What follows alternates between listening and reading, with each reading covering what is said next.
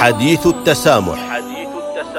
التواصل مع الحضارات والأمم يعزز التآلف الإنساني ويقدم انموذجا للتعايش مع الآخر وبما يؤدي إلى تحقيق أسباب السلام. حديث التسامح برنامج يعده ويقدمه سعادة الدكتور محمد بن سعيد المعمري. حديث التسامح.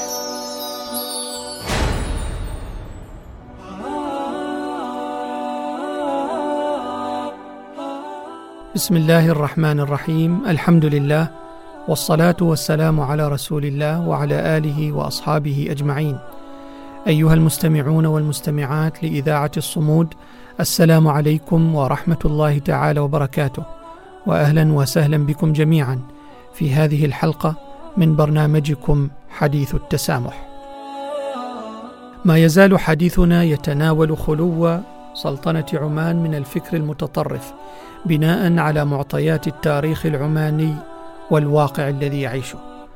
وحيث كشف لنا التاريخ عن الأسس التي انبنى عليها هذا التمازج والاندماج العماني وبراعة الإدراك لمآلات قبول الآخر والعيش المشترك والأخذ بالمفيد من أجل تحقيق النهضة والتحديث والتطوير ووضع كل وسائل الحماية لضمان الوصول إلى تحقيق المصالح المشتركة. وتناولنا في الحلقة الماضية أهمية الجغرافيا العمانية وإطلالة عمان على المحيط الهندي مما شكل ذلك عمقا في تجربة عمان في التواصل الحضاري مع العالم من حولهم. ونتناول في هذه الحلقة التجربة التاريخية العميقة حيث امتدت الإمبراطورية العمانية تاريخيا لتشمل مناطق متعددة في شرق إفريقيا خلال النصف الأول من القرن التاسع عشر.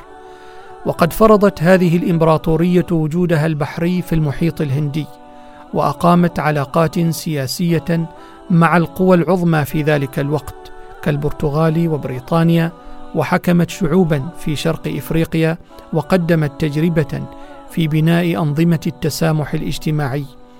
وبأحقية كل فرد في ممارسة شعائره الدينية والتقاضي وفق مذهبه وتوارثت النخبة السياسية العمانية هذه التقاليد المتسامحة.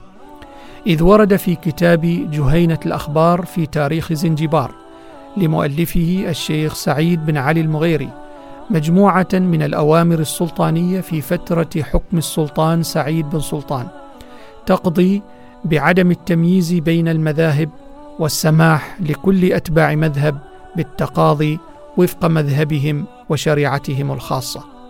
وقد وصف رئيس البعثة الهولندية باتنبرغ الذي أرسلته حكومة بلاده سنة 1672 ميلادية إبان عصر الدولة اليعربيه لعقد اتفاقية تجارية مع العمانيين عرب عمان بأنهم يتصفون بالتهذيب والود والكرم والنخوة في تعاملهم مع بعضهم البعض ومع الغرباء أيضا وتصرفاتهم في غاية النزاهة إلى درجة مبالغ فيها ولا يؤخذ أي قرار مباشرة قبل عرضه على الجميع.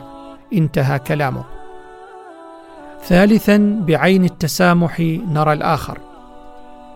عبر القرون الماضية زار عمان مئات الرحالة والسياح والمكتشفين والمبشرين من دول أوروبية جابوا جبالها وقراها وصحاريها وكثبانها الرملية ودخلوا المنازل والمجالس والضيافات وقصور السلاطين والتقوا بعدد كبير من العمانيين رجالا ونساء وبمختلف الأعمار والمستويات الاجتماعية وتحاوروا معهم وأصدروا بناء على تجربتهم عشرات الكتب ومئات الشهادات بعد ذلك. لم تشر إلى أي حادثة أو مشهد تعرض فيه أحدهم إلى اعتداء أو ازدراء أو موقف عدائي من أي عماني كان بل العكس هو الصحيح. فقد أثبت هؤلاء الرحالة والسياح والمكتشفين وحتى المبشرين بأنهم كانوا يجدون الاحترام وكرم الضيافة والتعاون وتحدث هؤلاء جميعا عن تسامح العمانيين وكرمهم بقدر كبير من الإعجاب. هذه التوليفة العبقرية للتسامح تجاه الآخر والذات التي تشكل نسيجا متناسقا في التركيبة العمانية هذه التعددية القائمة على التسامح والانسجام ليست وليدة الساعة بل هي تعددية عريقة يؤكدها الكثير من الرحالة ومن المستشرقين.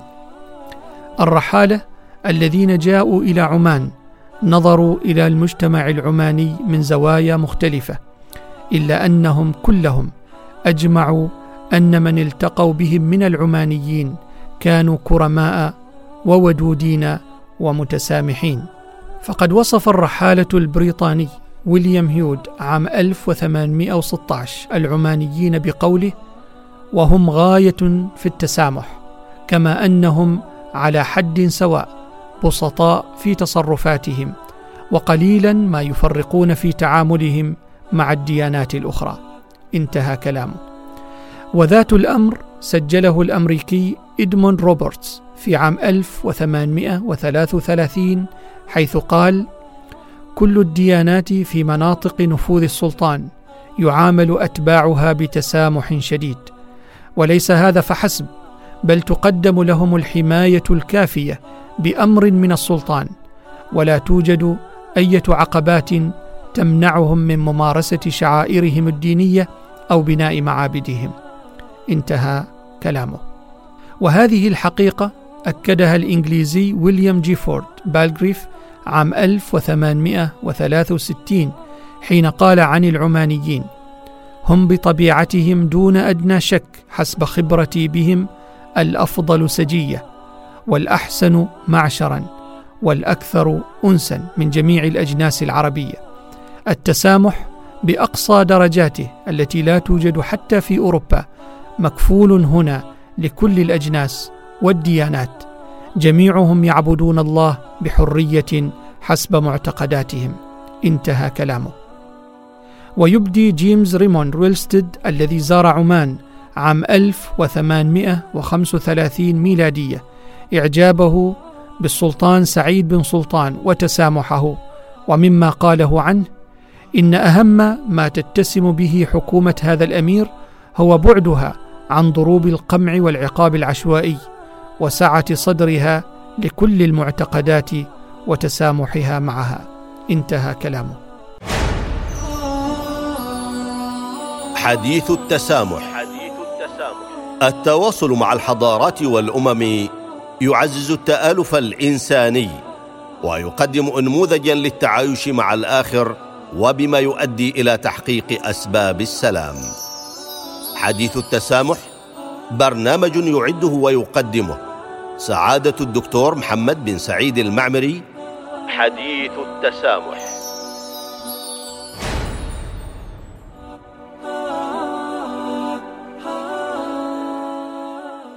وبعد آلاف السنين تظل القيم العمانية راسخة في تكوين الإنسان العماني يحمل في وجدانه ذات الوعي الداخلي.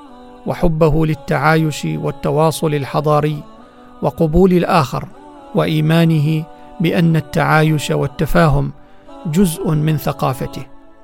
فلا تزال عمان الخير تستقبل زوارها من عاملين وسياح وباحثين على مختلف دياناتهم ومذاهبهم بكل حرية في القرى والجبال والأودية.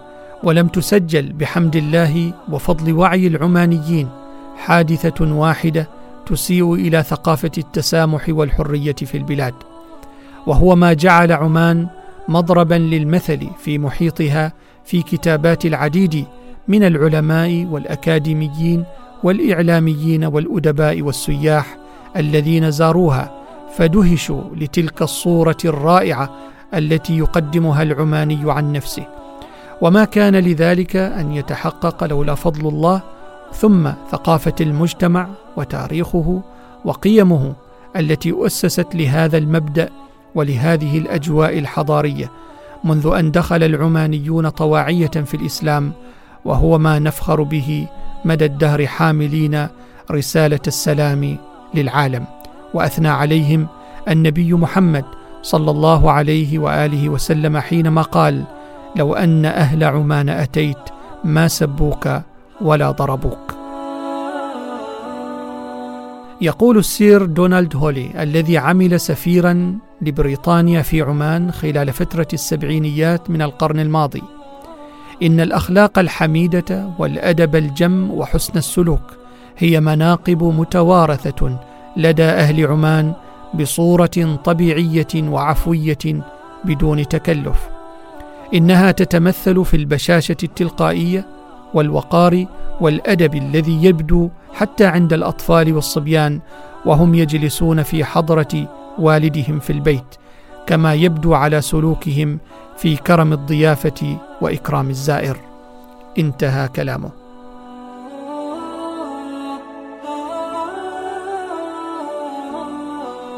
ثم يأتي التكوين الديني المنحاز للاستقرار حيث إن النشأة الدينية بين سكان عمان أسهمت في انتشار قيم التسامح إذ تتسم هذه القيم الدينية التي نشأ عليها العمانيون بحسن تقدير العواقب والمآلات. فالقناعات الدينية السائدة في عمان لها دور في شيوع حالة من السلام والتسامح في المجتمع. كما يضاف إلى ما تقدم تزكية النبي محمد صلى الله عليه وسلم لأهل عمان في الحديث الذي ورد في صحيح الإمام مسلم في باب فضائل أهل عمان برقم 2544 ما نصه. عن أبي برزة قال بعث رسول الله صلى الله عليه وسلم رجلا إلى حي من أحياء العرب فسبوه وضربوه فجاء إلى رسول الله فأخبره فقال رسول الله صلى الله عليه وآله وسلم لو أن أهل عمان أتيت ما سبوك ولا ضربوك. فكان هذا الوسام أثره في ترسيخ التسامح كقيمة دينية وثقافية ملازمة للشخصية العمانية لا بد أن تحرص عليها الأجيال. وتكشف لنا العديد من الدراسات عن مناظرات ومراجعات موثقة لعلماء عمان مع نظرائهم في الدول الأخرى وإخوانهم في عمان من مختلف المذاهب. يظهر ذلك تعاونا مشتركا في إعداد المؤلفات الفقهية وانفتح فقهاء عمان على فقه المدارس والمذاهب الإسلامية الأخرى وظهر ما يعرف بالدراسات الفقهية المقارنة. فحلقات العلم في عمان تتناول بالدرس كتاب الأشراف على مذاهب أهل العلم لابن المنذر النيسابوري من فقهاء الشافعية فصنف العلامة أبو سعيد الكدمي كتابا أسماه زيادات الأشراف. كما أن كتاب الضياء لسلمة بن مسلم العوتبي من علماء القرن الخامس الهجري أنموذج حي لتمازج آراء المدارس الفقهية وعدم الإقصاء.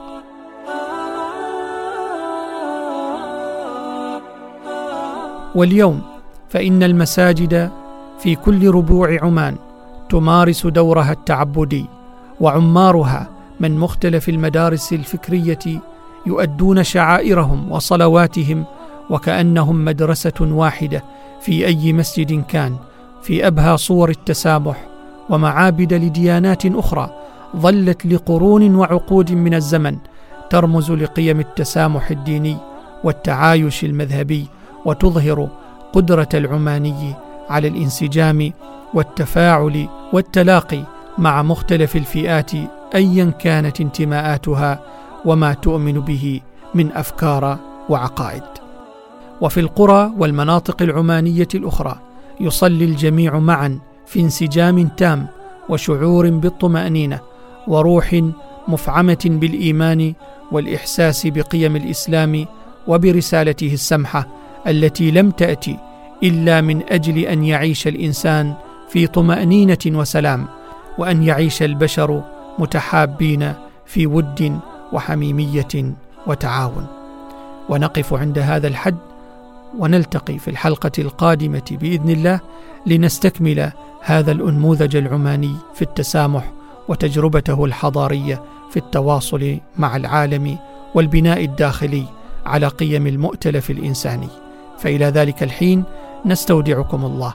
والسلام عليكم ورحمة الله تعالى وبركاته. حديث التسامح. حديث التسامح التواصل مع الحضارات والأمم يعزز التآلف الإنساني ويقدم انموذجا للتعايش مع الآخر وبما يؤدي إلى تحقيق أسباب السلام. حديث التسامح برنامج يعده ويقدمه سعادة الدكتور محمد بن سعيد المعمري. حديث التسامح.